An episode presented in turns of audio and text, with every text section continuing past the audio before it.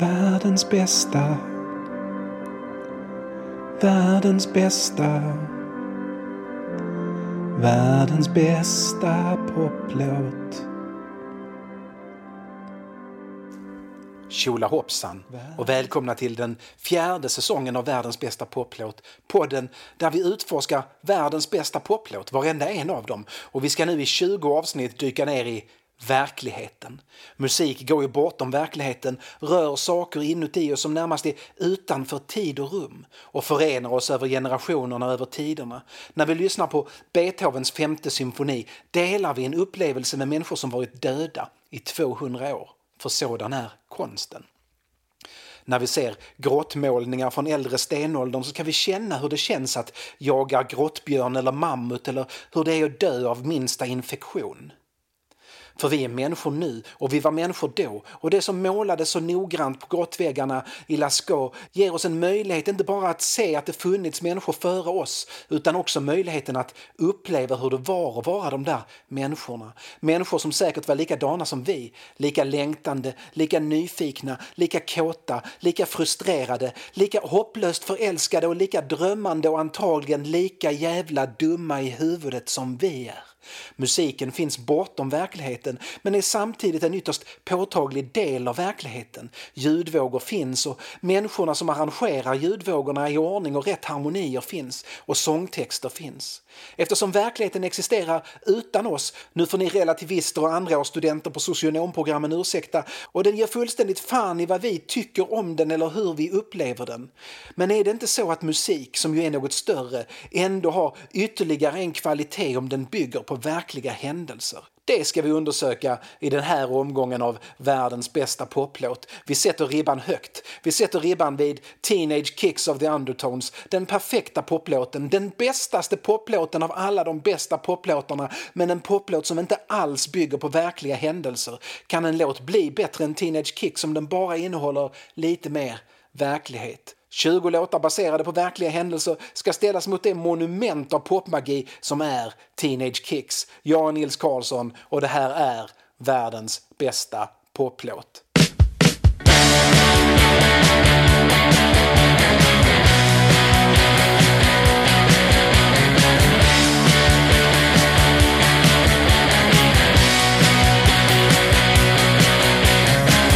Teenage dream's so hard to be street, another girl in the neighborhood. Wish she was mine, she looks so good. I wanna hold her, wanna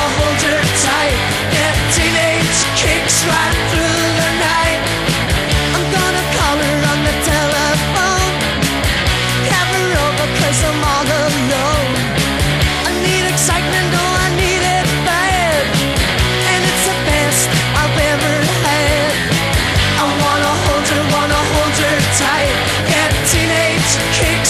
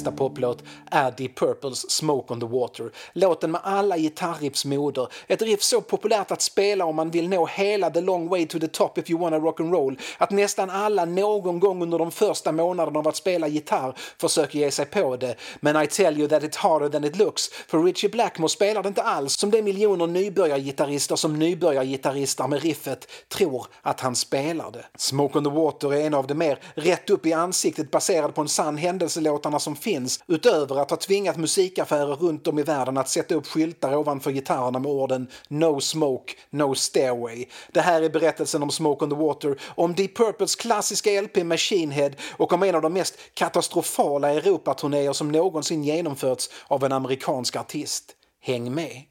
Det börjar med Frank Zappa, en av tidernas största kompositörer, en av rockhistoriens främsta gitarrister och en av de mer produktiva människorna någonsin. Från det att Zappa skivdebuterade i juni 1966 tills han dog i december 1993 gav han oss 63 LP-skivor om man räknar dubbel och trippelskivorna som en skiva. Han överöste oss med musik och fantastiska arrangemang och påfallande ofta inte lika fantastiska sångtexter. Hans pappa, Francis Zappa, var kemist och jobbade åt det amerikanska försvaret med att komma på nya och festliga sätt att döda ryssar på. Familjen flyttade runt mycket men landade till slut ute i öknen utanför Aberdeen i Maryland där pappa Zappa jobbade på The Edgewood Arsenal Chemical Warfare Facility som låg precis bredvid ett populärt ställe att provspränga atombomber. Frank Zappa föddes 1940 så han var tonåring när det amerikanska försvaret provsprängde atombomber lite allt som oftast. Frank var ofta sjuk och hade astma och ont i lederna och som äldsta barnet av fyra förväntades han dessutom att ta hand om mycket av hushållsarbetet hemma. Han tyckte allt var tråkigt. Allt utom de där dagarna pappa lyckades smuggla med sig en massa kvicksilver från jobb. Zappa och hans syskon älskade att leka med kvicksilvret, se hur det bildade bollar och hur det kunde skvätta och flyta och ändå vara metall. De lekte ofta kvicksilverkrig med varandra och hade hur roligt som helst. De är döda i cancer nu, alla fyra.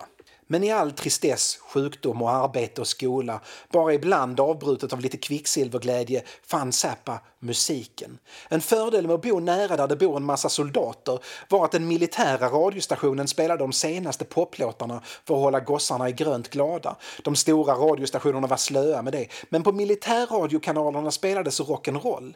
Till och med musik av svarta artister. Frank älskade rhythm and blues och blues och rock'n'roll och när han får en gitarr av sin mamma så lägger han all tid han kan på att spela till radion och det är mycket tid efter han är så mycket hemma från skolan.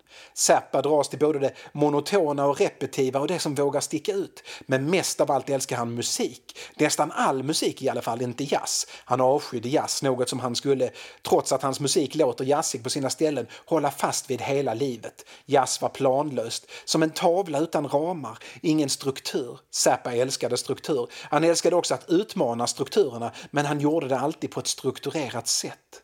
När han börjar high school blir han direkt sedd som den udda killen som man helst inte ska umgås med och det är en bild han väljer att odla. Han gör sig själv så konventionsbrytande han kan och har lyckats på så sätt både få respekt och överleva skolan med någon sorts värdighet. Att odla bilden av sig själv som den smarta rebellen är något han fortsätter med i hela sin karriär. Zappas familj var inte förmögna så det var inte ofta de hade råd att köpa skivor. Men en dag hade Zappa sparat ihop tillräckligt mycket för att köpa en LP. Han tar sina pengar och traskar genom solen in till Aberdeens centrum och in i skivaffären. Han har råd att köpa precis vilken skiva han vill. Den dagen Zappa är inne i affären är även den lokala radiostationen där för att intervjua representanter för det lokala näringslivet. Skivhandlaren får frågan om han anser sig vara en bra försäljare. Ja då, säger skivhandlaren. En gång lyckades jag till och med sälja ett exemplar av Edgar Vareses Ionization.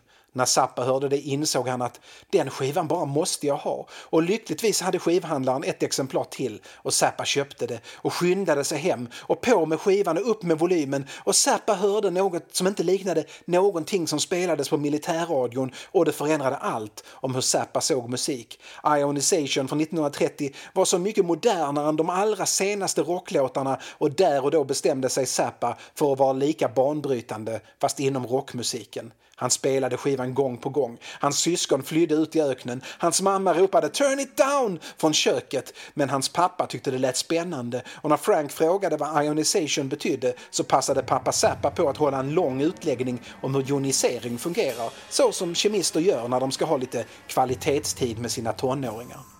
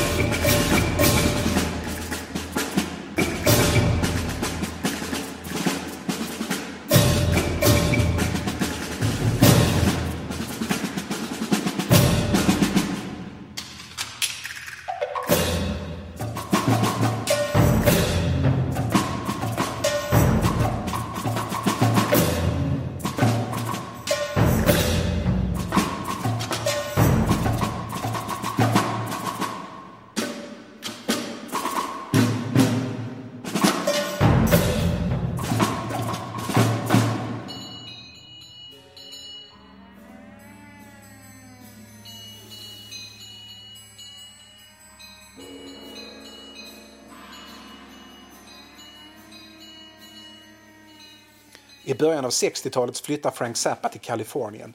Dels för att bli popstjärna, men också för att arbetsmarknaden i Maryland för en person som suttit i fängelse var dålig. Zappa hade dömts i några månader i riktigt fängelse, alltså murar och galler och brottslingar fällda för mord för att ha spelat in en pornografisk kassett med samlagsljud. Överdrivna och fejkade förvisso, men ändå samlagsljud åt en man som visade sig vara civilpolis. Sånt snusk tolererar man inte i Maryland.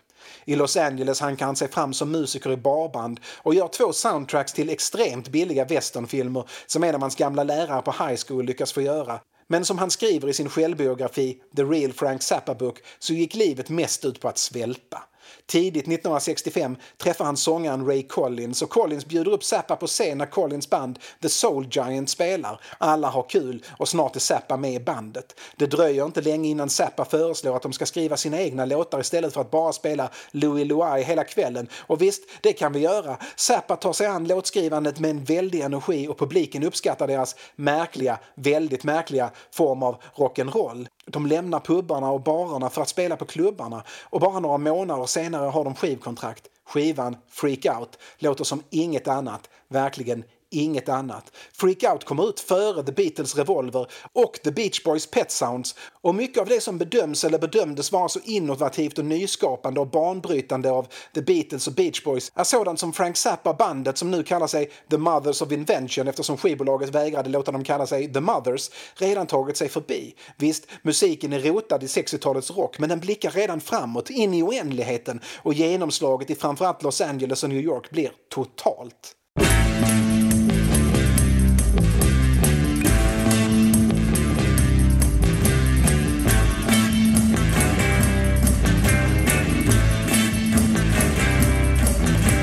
Mr. America, walk on by your schools that do not teach. Mr. America, walk on by the minds that won't be reached. Mr. America, try to hide the emptiness that's you inside. But once you find that the way you lied and all the corny tricks you tried. Will not forestall the rising tide of hungry freaks, daddy. They won't go for no more. Great Midwestern hardware store. Philosophy that turns away from those who aren't afraid to say what's on left behinds of the great society.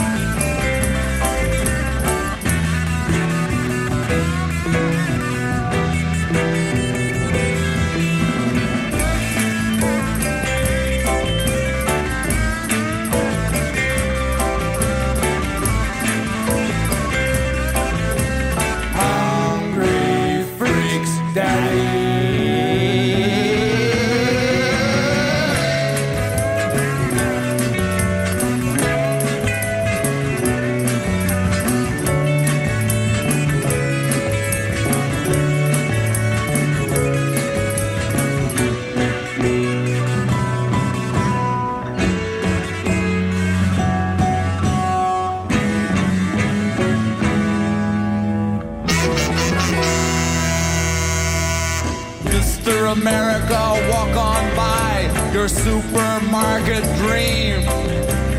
Mr. America, walk on by the liquor store supreme.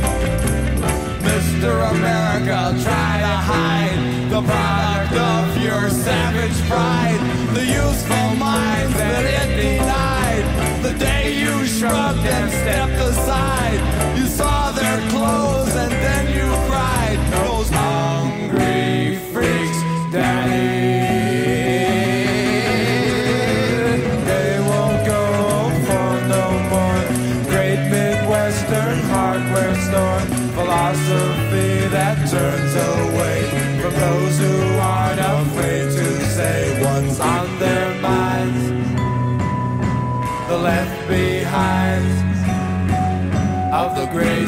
society.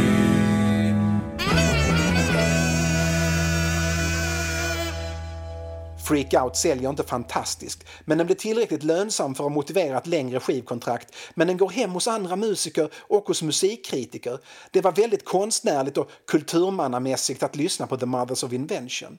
Det ursprungliga Mothers of Invention börjar falla isär efter tredje skivan We're Only In It For The Money, en parodi på The Beatles, hippiekulturen och medel och överklassrebeller i sandaler, i takt med att Zappas musik blir mer och mer krävande.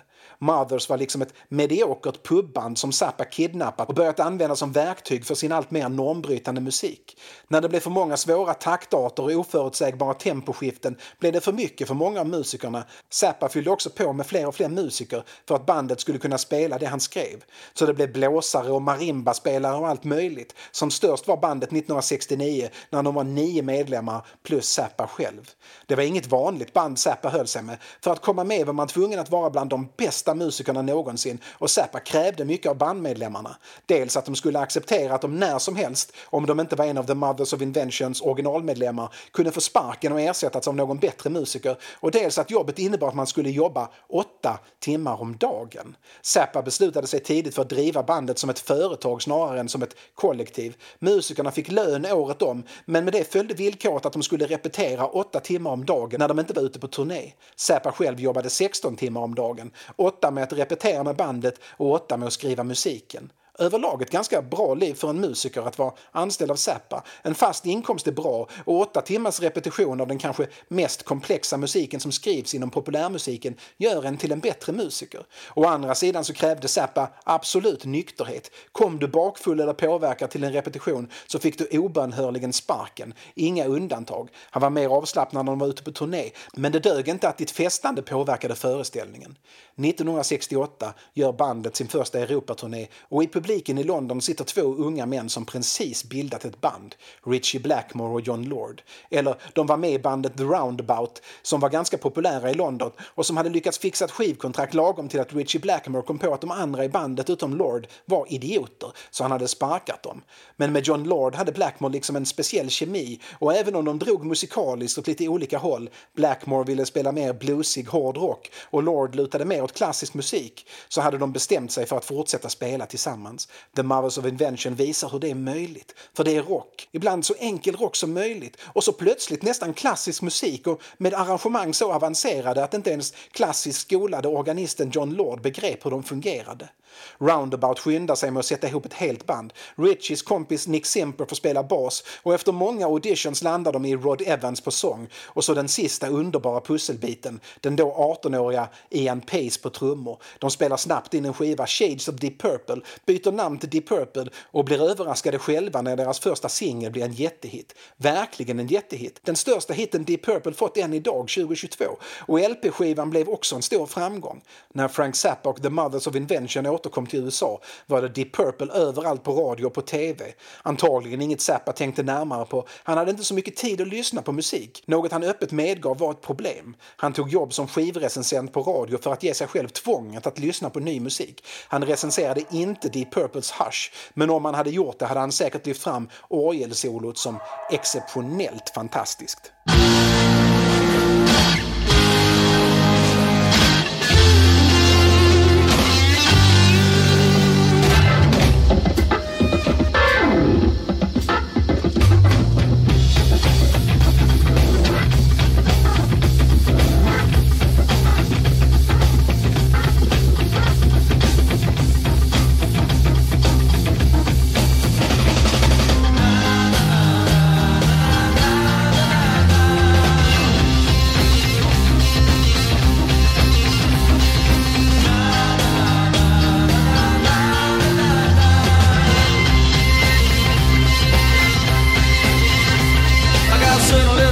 On my mind. No doubt about it, she looks so fine. She's the best girl that I ever had. Sometimes she's gonna make me feel so bad.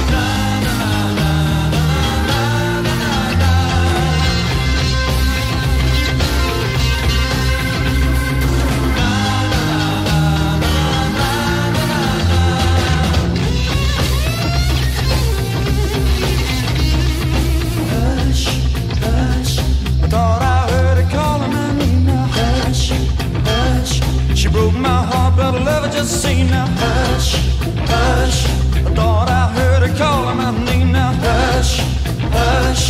I need loving and I'm not to blame now. Got early in the morning.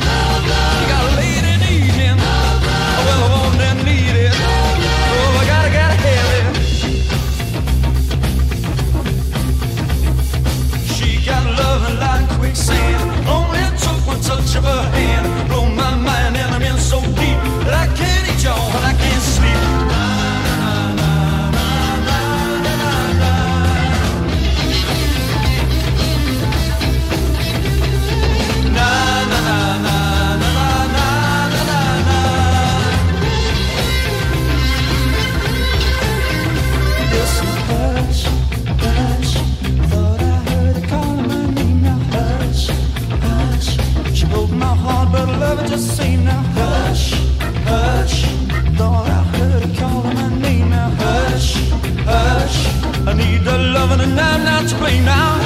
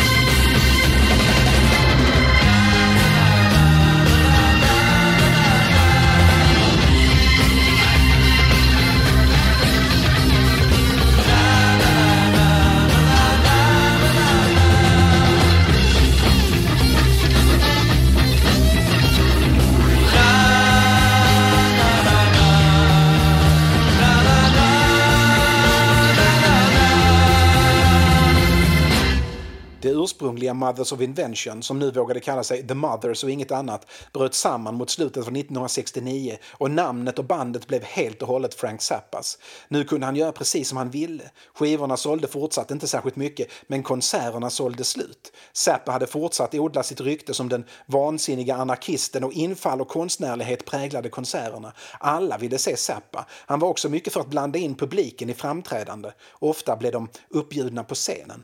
I början av 1969 spelade de 14 veckor i rad, fyra kvällar i veckan, på The Fillmore Theatre i New York. De hade blivit som en Broadway-föreställning, fast inte på Broadway då, betydligt mer improviserat. Vid ett av dessa tillfällen upptäckte Zappa en grupp soldater i publiken, gröna kläder, bekanta från Zappas barndom. Han bjöd upp dem på scenen och frågade var de kom ifrån. Lite varstans, svarar soldaterna. Men vi ska tillbaka till Vietnam om några dagar. Vi vill inte tillbaka, säger en av soldaterna nästan med tårar i halsen.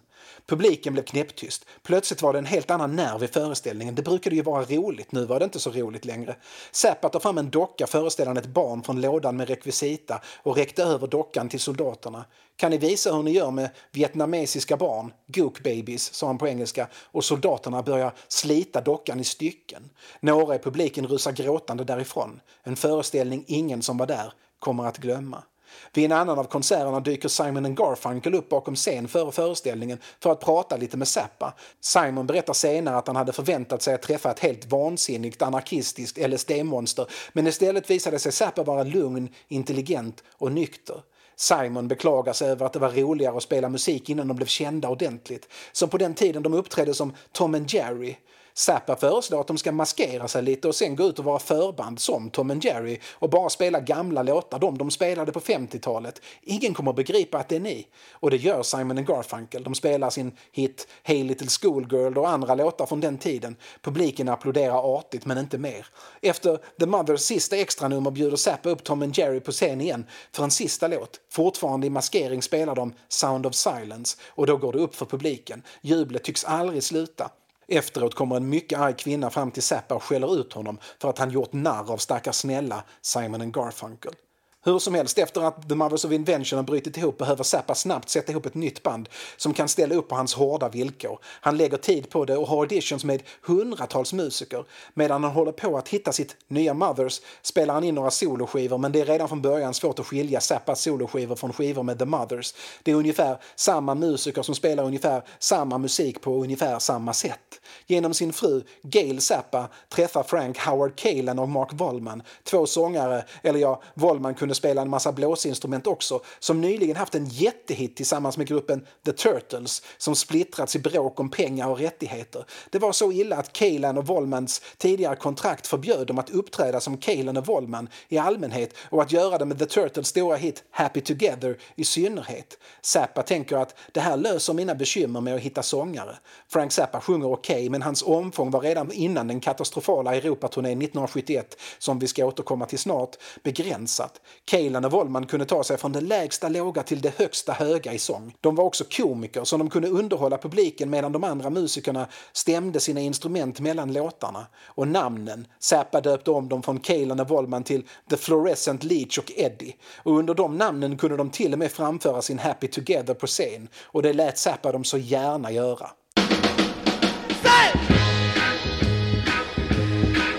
Imagine me and you, I do. About you day and night. It's only right to think about the girl you love and hold her tight. So happy together. If I should call you up, invest a dime, and you say you belong to me, and ease my mind. Imagine how the world could be so far, so happy together. It's like a big rock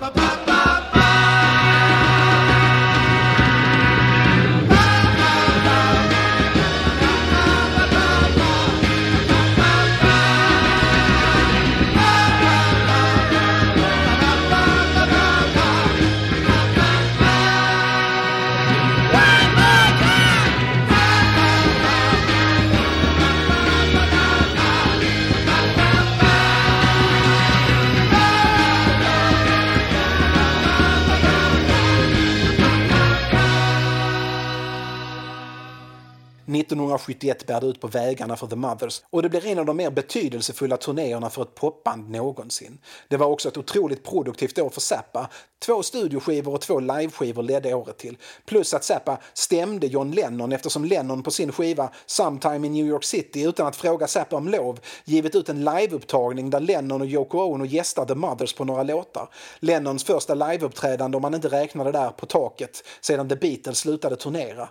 Att inte bli tillfrågad störde inte Zappa så mycket, men att Lennon angav Lennon och Ono som enda låtskrivare på Zappas låt King Kong, som Lennon tyckte hette Jamrag, accepterade han inte. Kanske som hämnd många år senare ger Zappa själv ut inspelningen ommixad eftersom Zappa tyckte att Lennons producent Phil Spector var en talanglös klåpare och döpte om en av låtarna till A Small Eternity with Yoko Ono.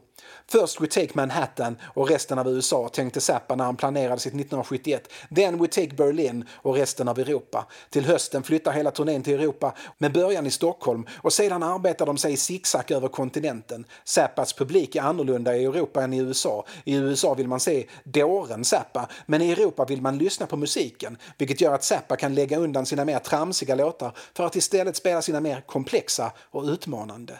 Mitt under en av de mer utmanande låtarna, just King Kong, skjuter någon dum jävel i publiken på Montreux Casino en nödraket upp i luften. Han ville säkert visa sin uppskattning för bandet genom att bjuda på en egen liten ljusshow. Det var bara det att konserten var inomhus och taket gjort av trä. Det börjar givetvis brinna. Zappa är den första som ser branden. Han står längst fram på scenen och publiken har all uppmärksamhet på honom. Zappa inser direkt att det här kan sluta i total katastrof. Han avbryter bandet och säger lugnt i mikrofonen att det verkar som att det börjat brinna. Kan ni lugnt och utan att trängas gå mot utgångarna och lämna lokalen? Under flera minuter manar han till lugn och berättar var nödutgångarna finns. Hans band har lämnat scenen, men Zappa står kvar och håller publiken lugn. Snart är taket helt övertänt och elden börjar sprida sig till väggarna. Det är nästan tusen personer i publiken, så det tar tid att utrymma, men Zappa står kvar, behåller kontrollen, behåller lugnet. Först när ljudsystemet lägger av på grund av branden lämnar Zappa scenen och kasinot. Hela byggnaden brinner ner. Brandkåren lyckas inte rädda någonting, men inte en enda människa dog. Några fick milda rökskador och bland dem fanns Zappa. Han säger senare i en intervju, bara dagarna efter, att han är väldigt glad att publiken förstod engelska, för han kunde inte ett ord franska.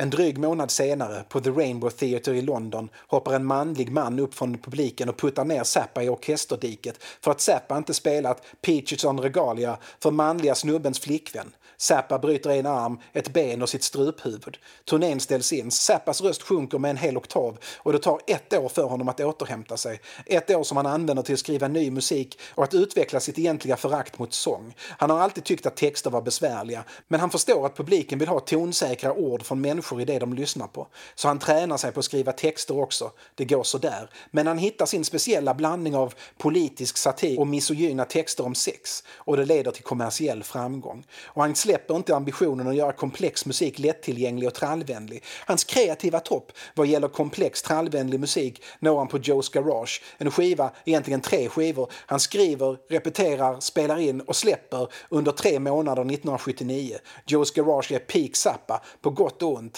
Här är han från Joe's Garage med en inte bara välgrundad teologisk meditation över katolicismen.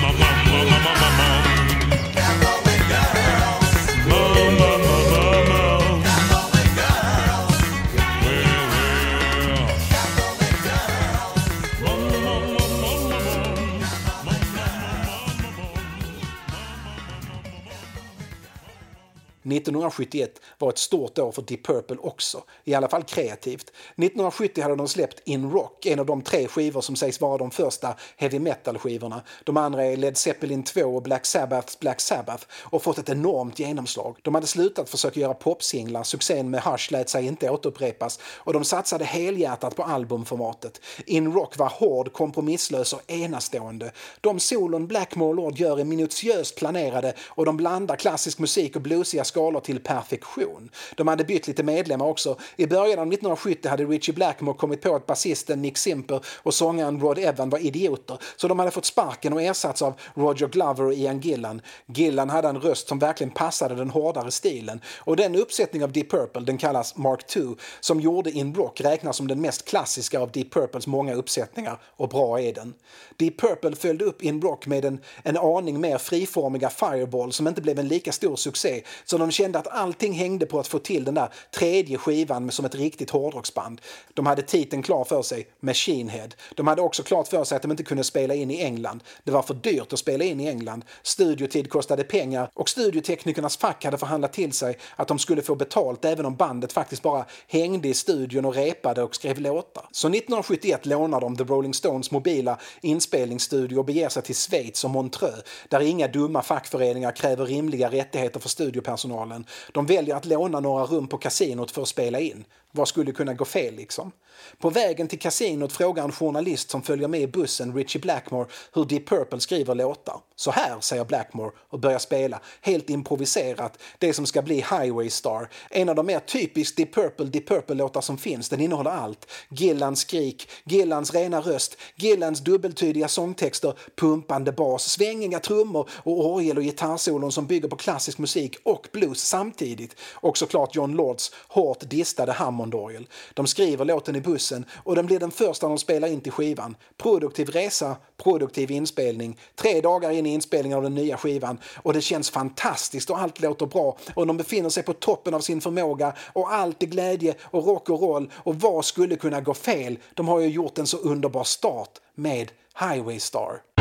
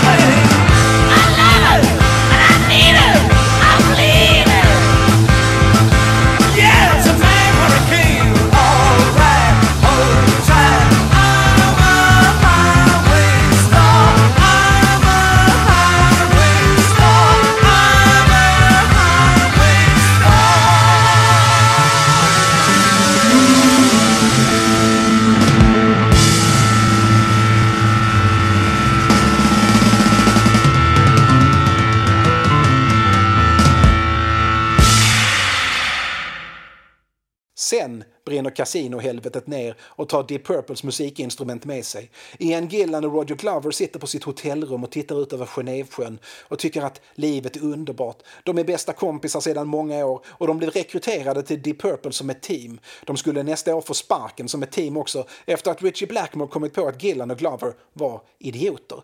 Men det låg fortfarande i framtiden och nu satt de där på hotellrummet och njöt av att ha spelat in den fantastiska Highway Star och tycker du inte att det luktar lite bränt? Jo, lite bränt. Och ska det verkligen ligga en massa rök på sjön? Det brinner nog någonstans. Inspelningarna fick såklart avbrytas. Det går inte att spela in utan instrument och plats att spela in på. Men medan bandet gör nya planer för inspelningen så skriver Gillan och Glover en sångtext om hur de såg röken sprida sig över vattnet. Smoke on the Water är som ett reportage om inspelningarna snarare än en fyndig text med sexuella undertoner, vilket annars var Deep Purples grej sedan Gillan kommit med. Trots att texten verkligen bara är en beskrivning av exakt vad som hände där i december 1971 tycks Smoke on the Water hålla sig ständigt aktuell. Dels på grund av Richie Blackmores fenomenala riff som han själv beskriver som en enkel omfrasering av inledningen på Beethovens femte symfoni och dels på grund av att sången, texten och framförandet ger en ovanligt ärlig bild av Ian Gillan och hans faktiska känsloliv. Gillan var aldrig någon som bjöd på sig själv direkt, som visade sin sanna natur. Nej, hans sångtexter har snarare fungerat som en sköld för ett känsligt hjärta än som en direktkanal in i det. Men inte i Smoke on the Water. Gillan betraktar händelsen vuxet och sakligt men ändå avslöjar låten en liten pojke som är rädd för elden. Smoke on the Water är av många skäl världens bästa poplåt. Men visst får den något lite extra av att den faktiskt bygger på något som är sant och riktigt. För genom Smoke on the Water kan vi uppleva hur det var att se kasinot och drömmarna där inne brinna ner. Det kan vi. Låten tar oss närmre än att bara läsa en tidningsartikel om det kan göra. Och sen har den ju ett fenomenalt gitarrsolo också.